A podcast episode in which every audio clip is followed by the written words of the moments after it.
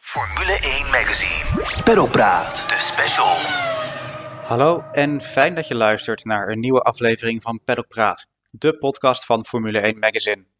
Mijn naam is Daan de Geus en dit is een Peddelpraat special, volledig in het kader van de 24 uur van Le Mans en met als speciale gast Toyota-coureur Brandon Hartley. Hartley won de Endurance Klassieker in 2017 en 2020 en reed tussendoor natuurlijk ook nog Formule 1 voor Toro Rosso. Na zijn Formule 1 exit kwam Hartley dus weer in de endurance racerij terecht, waar hij uiteraard uitgebreid over vertelt, met speciale aandacht voor zijn eerdere avonturen op Le Mans en de aanstaande editie van dit jaar. Veel plezier! Formule 1.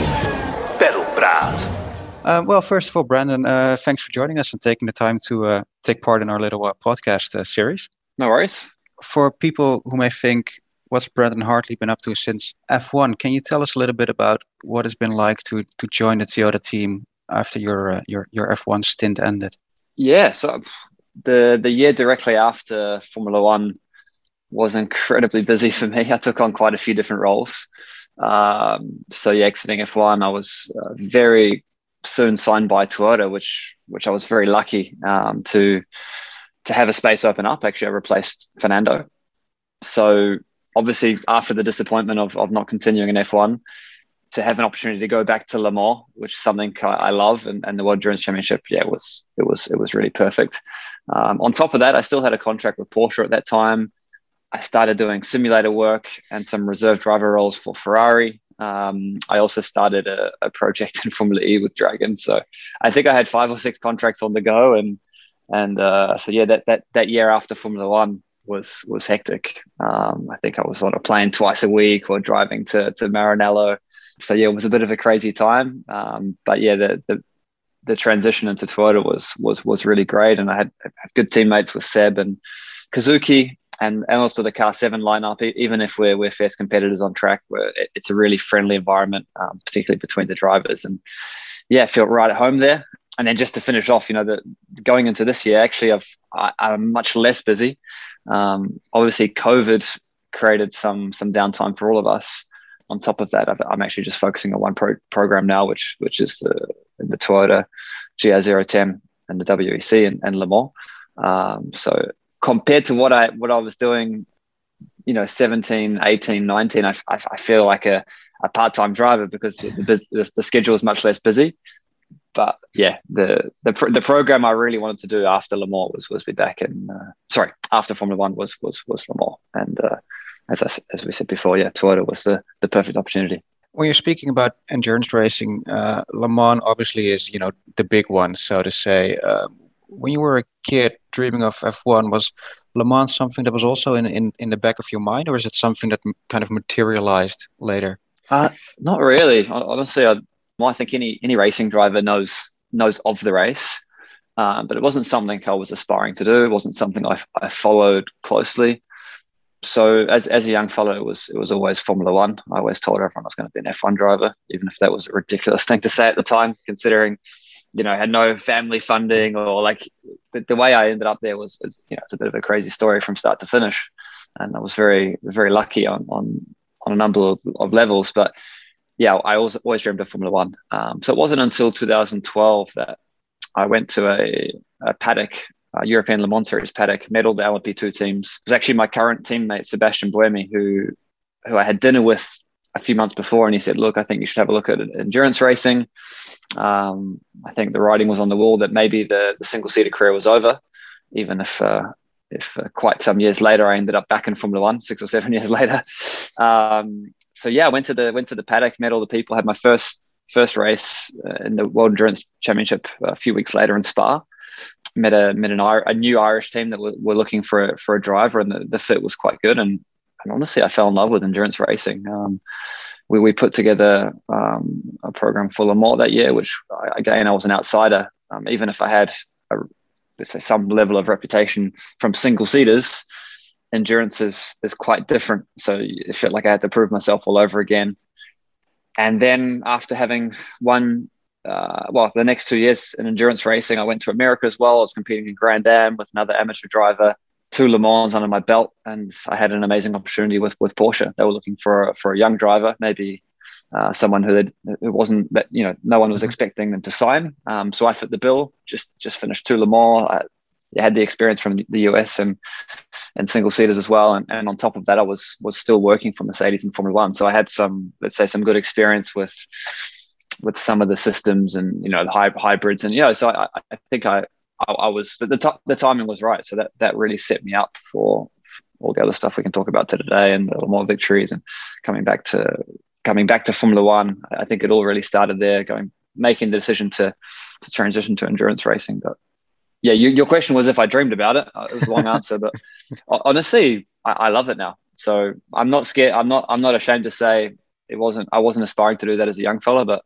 I kind of fell in love with it and everything about Le Mans. Your teammates driving in the night, being focused at all hours. You know, just the whole the whole the whole feeling at Le Mans. This uh, electricity when you stand on on the grid the people having a barbecue in the middle of the night and smoke coming across the track. Um, I think a big part also was was the teammates. So being a single seater racer can feel quite selfish at times. Um, even if you're in a big team, you can feel quite alone. And, in endurance racing it's quite a different atmosphere, team spirit. You know, if, if, if one of your teammates isn't doing the job, it's it's it's the other two's job to help them out, share all the information they have, did you find a different line there, a little curb that works, whatever it is, or even even if it's just putting the arm around. So the, it's it's a different environment being with three and and uh, having all one common goal. Where in single seaters, it's it's definitely not like that. So you're you're a bit more alone. Um, so I enjoyed that that camaraderie and and uh, team atmosphere of, of endurance racing. And I think the night driving at Le Mans as well, that was something. The first time I ever drove a car in the night was at Le Mans, and uh, I absolutely loved it. All your senses heightened um, you know, feels like you're going a thousand mile, you know, thousand mile an hour, even even if you're not, you know, everything's coming in and out of the vision, and and that level of focus and adrenaline that you have to have in the night is, is uh, was something completely new. Is there a quintessential "I'm back at Le Mans" moment that you have during that race week or the whole build up when when it really feels like, yeah, we're back at it here? Um, you mean the the first time back with Toyota, or just in general? Just, just in general. I mean, you've been there, I think, seven times now. So yeah. Yes. I mean, the, the first time there was a lot of new experiences starting already at the test day, two weeks before the race or a week and a half before the race, when there's already a lot of fans, a lot of people watching there. That's when I realized, like, wow, this is this is a big race. And then coming into the race week, even from Scrutineering, you know, it's a big show. It, it's mm-hmm. it's a big part of the tradition the parade that that was an eye opener. I'm not sure how many thousands of people lined the streets and, and screaming like for that one weekend of the year. You can't you know you feel like a superstar even if you're not. So um, the whole atmosphere is is is, is really crazy, and, and that that whole build up for for that entire week. And you know the roller coaster of emotions that you have through that week, all the hard work of testing, or you know maybe there's some issues, and the final prep before the race, the, the nerves I, I, think because it's so extended, you know, all the nerves and, and what it means becomes more and more. And um, I'm sure it's it's a bit of a cliche thing to say, but I mean, at the end of the race, win, win or lose, or what, whatever the achievement is for specific teams, you see you see grown men brought to tears, which I think shows what it means to everyone. But also, it's that accumulation of of of the big build up for the race. And I say it's the week, but it's also the whole mm-hmm. year. You know, some teams are preparing the whole year for, for that one 24 hour race winning a 24 hour race is obviously never easy. Um, you've won Le Mans twice, including in 2020 with Toyota. Is there anything that you can point to or say like that's the key to winning, or is it just all those little things combined? Yeah, it's a lot of little things, but but also you need a little, you know, you need to be in the right time, right place at the right time. There's obviously some luck involved, but you also have to create your own luck because, um, particularly in, in the LMP1 era, the the closing speeds that that we're we're dealing with and you know, eh, it, there's never a dull moment. You know, it's it's not often that you even get to go through the Porsche curves without passing a GT car around the outside of one of the corners. So you're you're constantly trying to figure out: is it a pro car? Who's driving the car? Have they seen me?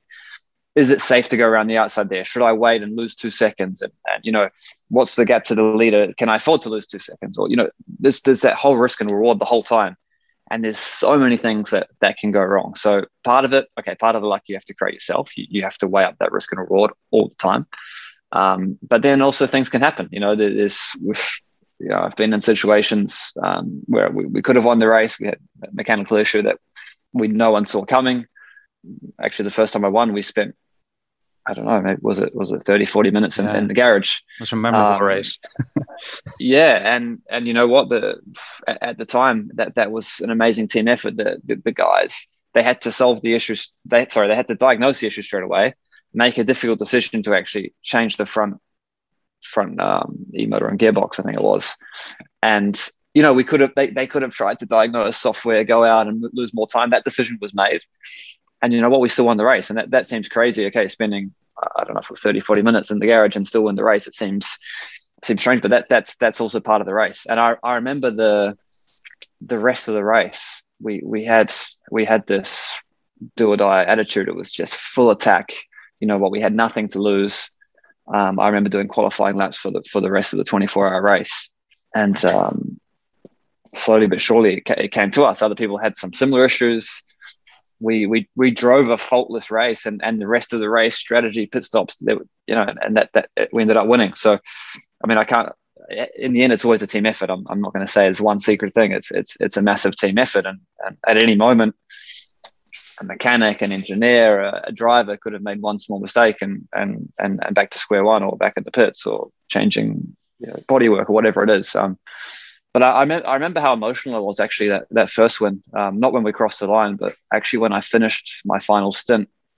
Still wasn't sure if we were going to win the race, but I just remember having having the emotion jumping out of the car that that that you know what I did absolutely everything I could, didn't make a mistake, and and you know that that was it. I gave it I gave it my all, and I just remember the emotion coming over me. I remember my my wife being there. Actually, there's there's a photo of us there, and I just I remember actually having some some tears, which is it's weird. We hadn't we hadn't crossed the line. wasn't wasn't clear if we were going to win or not. But I just remember having that emotion as as that release of of you know you have pressure as well. You know all, all the all the pressure that's involved, all the hard work, and it's like you know what I've I've done my job. I've done everything I can, and uh, it was up to I think Timo. Sorry, it was up to Earl, um, and and uh, and and Timo um, to to do the last couple of stints. Um, but yeah, that that emotion that I'm that I'm chatting about I haven't experienced in so many other categories in my life. And um, okay, I didn't, I didn't, I didn't score too many points in Formula One or, or get to stand on a podium, but the level of um, atmosphere and, and emotion that I experienced, even just standing on the Le Mans grid with, with the grandstands full, and I, I, ne- I never actually experienced that in another race. So yeah, I think Le Mans is quite special for that. Did that kind of make second time around with Toyota the second win I don't want to say feel easy, but feel feel a bit easier maybe. Yeah, the, the second one was was was a strange one um, for a few reasons, and I think mainly the fact that it was COVID times and, and there were no fans there. So you know, I, would experienced Le Mans in, in the previous previous attempts where just getting to to the the race engineering truck from the hospitality had to be thought out Mm-hmm. You know, there's a series of people asking for autographs, for pictures. When I was together with Mark Webber in the car, I'd normally ask him when, he, when are you going over there, and I'd, I'd point over to Mark, and I'd run the other way, and and that seemed back then sometimes quite annoying that you kind of couldn't move, but at the same time that that was part of the race. And um, I'm not trying to. I guess the point of the story is, is going back to when there was no fans. Mm-hmm. It really didn't feel the same. The, the atmosphere wasn't there. I mean, th- those I say like 250,000 people at Le Mans mm-hmm. every year. I, I, think you know that that makes it. You know that that's that's part of the story. That's part of the, the tradition of, of everyone coming, camping, and, and, and enjoying the atmosphere. Not everyone's watching 24 hours of the race. They're going to listen to live music. They're having a few beers, whatever it is. But um, not having them there did change the feeling for me. Um, which you know a lot of people you know when you when you put the visor down of course you try and do the best job but I guess the whole build up to the race was completely different. Even you know the night before the race, normally we have the driver parade, which mm-hmm. in some ways it's amazing. You, you leave there wired, you've got adrenaline, you saw all these you know screaming fans, and and you go to you know you want to sleep and, and you can't. It's the night before the race, so there was none of that this year. So you know it's like oh you get a good night's sleep. That's nice, but at the same time it really it detached from from from the feeling. So that was uh, probably a, lesson for a lot of people. Not that I complained before about the, the fans, but I think you see my point. So it, I'm not saying it wasn't as special, but it, it, was a very different feeling without the fans there, and and uh, yeah, really hoping it's going to be different this year with with uh, access allowed to, to, to to some fans. Of course, one of the the big changes really is it's the first year of let's say the hypercar era. Uh, Toyota obviously having a build a hypercar for this year, the GR O10 hybrid. Um, can you tell us a little bit about what it's been like to work on that project because it's been quite a few years in the making, obviously. Yeah, so the, the car is very different. A lot of people ask about the performance. It's definitely slower than the LMP car, LMP1 cars we, we have come from. So a bit heavier, a bit less downforce, a bit less power. Systems are a bit less complicated. Um, so although all these things sound like a negative, mm-hmm. um, the, the positive thing is, you know, the rules have been written in a way that it's achievable for for many different concepts, manufacturers, private teams, you name it, to, to actually come build a car and compete, which which ultimately is what we want. You know, we want competition. So I, I think the prospect of of of the competition we're going to see in the future is is so exciting. I mean, the car's still still incredibly quick and, and rewarding to drive. Um, we're in some ways a bit spoiled in the LMP1 era. You know, I think I think there were some times, maybe 15 or 16, that we were pretty comparable to Formula One on on uh, you know on race pace. So th- those cars were incredibly quick, but you know maybe they they weren't really sustainable in terms of of budgets and and you know maybe in a way it got got a bit out of control. So yeah, the, the prospect of of all the competition coming is is so exciting. Peugeot next year, even you know this year with Glickenhaus and, and Alpine, we, have seen at the last race that the, the challenge the challenge is real, um, the competition's real, and and then yeah, the, the, chat of Ferrari coming, Porsche, Audi, I mean many others now that there's, there's also possibilities to compete in both uh, the IMSA, um, LMDH, and the the hypercar. You know, I, am sure that there's people already starting to envisage more than 20 cars in, in, in, the top fields in some years to come. I mean, I don't know if that's really going to happen, but mm. there's there's a high possibility it might. And I think the thought of that being on the Le Mans grid with all those different manufacturers and, and professional drivers, I, I, think there's some really exciting stuff to come. Um, but yeah, being a part of new projects is always always fun because it's a new car. There's a there's a lot to work on. I think we are very well prepared. I think we've done three three endurance tests, um, three races, not without issues. We, we did have some issues at the last race on on both cars. So there's no guarantees of Le Mans. And we also saw Glickenhaus at some points were actually quick, you know, they, they had the pace or even quick, quicker than us. And so Alpine at, at, different points of the race. Uh, and, and that's the beauty of the rules. It's, it's balance of performance. The, the rules are made to, to bring all the competition on an, on, a, on an even playing field, which which is what we've seen happen. So Le Mans is going to be a, a real fight and there's, there's no guarantees. Formule 1. Pedal Praat. Net als op Le Mans is het even tijd voor een korte pitstop om je eraan te herinneren dat er nog veel meer Paddockpraat specials zijn die je kan luisteren. Zo hebben we specials gemaakt met Robert Doornbos, Christian Albers, Guido van der Garde, Jan Lammers en komen er nog veel meer Nederlandse topcoureurs aan het woord over hun carrière. Maar we hebben ook een aantal internationale gasten gehad, zoals IndyCar-coureurs Alexander Rossi en Marcus Ericsson. Het zijn gesprekken die de diepte ingaan, vol schitterende anekdotes, zoals hoe Albers zijn carrière redde door een paar nachten in een huurauto te slapen en te gaan stappen met de Mercedes Top. Je vindt onze Pedocraat specials, net als de reguliere afleveringen, op onze website formule1.nl en de bekende podcast-apps Spotify, Juke en Apple en Google Podcasts. Pedalpraat. You've obviously been part of the Toyota fold for a few years now. Um, what's it been like working within that team? Has it been very different from other teams you've worked with or from F1? I mean, I know they have quite a big organization back in uh, in, in Cologne in Germany. Uh, a lot of Dutch guys as well, which probably uh, a few Dutch, yeah, yeah, big Dutch, yeah, some, well, some big Dutch guys, very tall.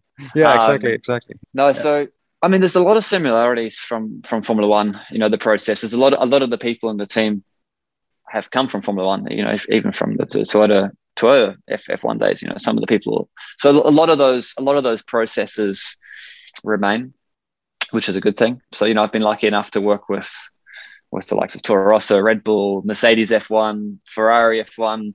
I think did I say did I say Porsche? Uh, so you know, I've I've got I've been in all sorts of different teams with different cultures and and you know that they they all have some some similarities, some small differences that you have to adapt to but no, I've, I've really enjoyed my, my time in, in Twitter and I have a good feeling with, with my teammates. And yeah, I don't really know how to answer your question more than that, but all the teams are slightly different, but a lot of the processes are the same. And, and the level of professionalism is, is, is quite similar to what you experience in Formula One. Toyota as, as a company is obviously known for being quite forward thinking, being one of the, the leaders in hybrid technology as they've been for a few decades. Has any of that kind of seeped through in the racing team? Is that something that you really notice that they need to be on the cutting edge in that sense? Yeah, I, I think I think that showed from from the early days of LMP1 when when uh, Toyota launched their their their capacitor and, and the big hybrid system. You know, I think it was definitely ahead of its time at, at that moment. And I know there's there's a lot of, you know, it's although it's um, the, the main part of the team is is based in Cologne. It's also collaboration um, in Japan. So you know, it's it's even that's quite complex. I think you know to have have the you know part of the team operating in Japan, part of it op- operating in Germany, and and I think even that in itself is is, is cutting edge. I guess it's not too dissimilar maybe from from uh, how Honda was working in, in Formula One, but um, yeah. So of, of course, Toyota's has, has, always had a big push for for hybrid, and and you know, it's made a lot of sense for for the, for this championship. And um, yeah, I, I, don't really know what else to say, but it's, it, yeah, it is it's really nice to be part of the team. And I think I just said before uh, about professionalism compared mm-hmm. to Formula One, but I didn't really mean it. It was it's more the level of the high level. You know, it's it's it's similar. Um, the, the way you push and try and find improvements, and you're always looking for to, to move the needle on the stopwatch. In the end, that's that's the job. And um, I think most of the teams have figured out the best way to do it and what structures you need. So that's why they the, the teams do feel similar in that way. Regarding your own background, unless my research is incorrect, your family owns Hartley Motorsports in uh, New Zealand, don't they? Who build engines? Um, has that in any way ever helped you with just the kind of technical knowledge you have, or did you just drive the things and let your family do the, no, the tinkering? Um, so I'd love to tell you yes, but if my brother and my father were here, they're going to laugh and say, "Ah, you didn't even know how to pick up a, a, spanner," which is not completely true. So it's a small family business. So it started with you know, my father um, conditioning race engines. Um, now my brother's heavily involved, so you know, he's he's one of the best engineers I know, honestly. So he's not only just conditioning race engines, he's building parts, but you know, designing from the ground up. You know, they've, they've got they've got some really cool accolades. So it's a small family business. It's, it's more or less my, my my father and my brother um, but I think it did help growing up in that environment where, first of all, it helped that my dad had the go kart engine on the dyno every every, evening. You know, he'd, he'd miss dinners because he, he had the engine on the dyno, and so I'm, I'm pretty sure it helped that I always had one of the best engines in in the in the pit lane. Um, but also the fact that we never had a lot of budget and, and it was always me, my dad, and, and my brother. So my brother raced as well. He, he's a bit older than me. Um, so as an example, you know, when it, when it came to racing Formula Ford, my brother had spent a few years developing the thing already. I jumped in and reaped all the benefits of that. But I, I was still there after school, changing the gearbox, changing the engine. So at least I have some mechanical understanding. But as I say, if if if my dad and my brother were here to, to join the conversation, they'd laugh and tell you that I was I was pretty useless and should stick to driving. Um, but for sure, it helps. Could you fix your own car if it broke down along the road? I'd give it a crack. But it's true that since I've been in Europe like being a professional racing driver uh, the last 10 you know eight nine years whatever it is um, it's not often i get my hands dirty anymore but yeah I, I sometimes envy my brother you know he comes up and he shows me a cad drawing i just designed this i've just put it in the 3d printer or the, the, the cnc machine and you know he really gets to to create on a daily basis and yeah i actually envy that it, it, it's cool but I, I think it's not not my specialty looking ahead at this year's Le Mans, uh, you just mentioned Glickenhaus and Alpine, of course, being in the fight. Uh, how do you see Toyota's chances and your own chances heading towards uh, the Circuit de la Sarthe again? Um, I mean, we have we have to be aiming for the for the race victory, but there's no guarantees. So I don't know if you say my chances. I don't know if you're looking to. I, I like. I used to like mathematics at school, but I, I don't know the, the mathematical chance of, of winning the race. But obviously, the goal is to, to go there and win. Le Mans, there's, uh, there's, there's really no guarantees. There's, there's so many obstacles along the way. It's a brand new car, which which we know can can be tricky with reliability. You know, we've, we've done our homework. We feel prepared. That being said, we did have some issues in Monza, so I'm sure everyone right now is, is working very hard and to, to, to get all the, the final pieces together to, to make sure we're we're as prepared as we can be and, and, and learn from those little little issues we had at the last race. But we're going for the victory. That that's that's clear. But there's there's no guarantee, and we respect the race and we respect the competition. Even if that sounds, uh, you know, sounds like I'm just washing it over. I think that that's that's really the truth. You know? I, I, guess in math terms, the biggest variable is is the reliability, isn't it? Because it's just, I mean, the speed has been there with the hypercar. Yeah, I mean that being said, that that being said, said um, the speed versus Alpine and, and the Glickenhaus and, and Monza, mm-hmm. um, you know, we're all very similar. So I think there's there's no given that our that our car's faster, but there's BOP. You know, uh, I can't tell you the exact details, but I'm sure Glickenhaus was was helped a bit to get them up to speed, and, and we've we've we've added. I think that uh, I think after before when Glickenhaus were coming, we added some weight. So that's the beauty of BOP. we shouldn't have a performance advantage, and, and we don't.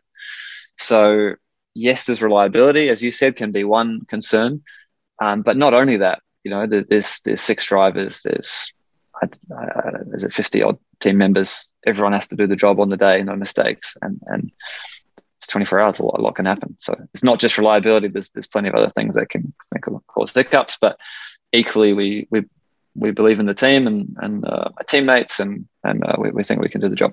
Just regarding your own future, do you see it at Toyota for the longer term? Yeah, absolutely. Um, I definitely hope so. And I I love being in endurance racing, so I hope I've got still got a few more years in me there. And probably with the beginning of the hypercar era, but hopefully, as you mentioned, looking at a, a kind of new time where it's just you know booming. I, I can't I can't wait to, to arrive at Le Mans. And if we really see 20 cars on, on the grid in, in the top top category fighting for victory, it's going to be amazing. Formule 1 Magazine. Praat, de special.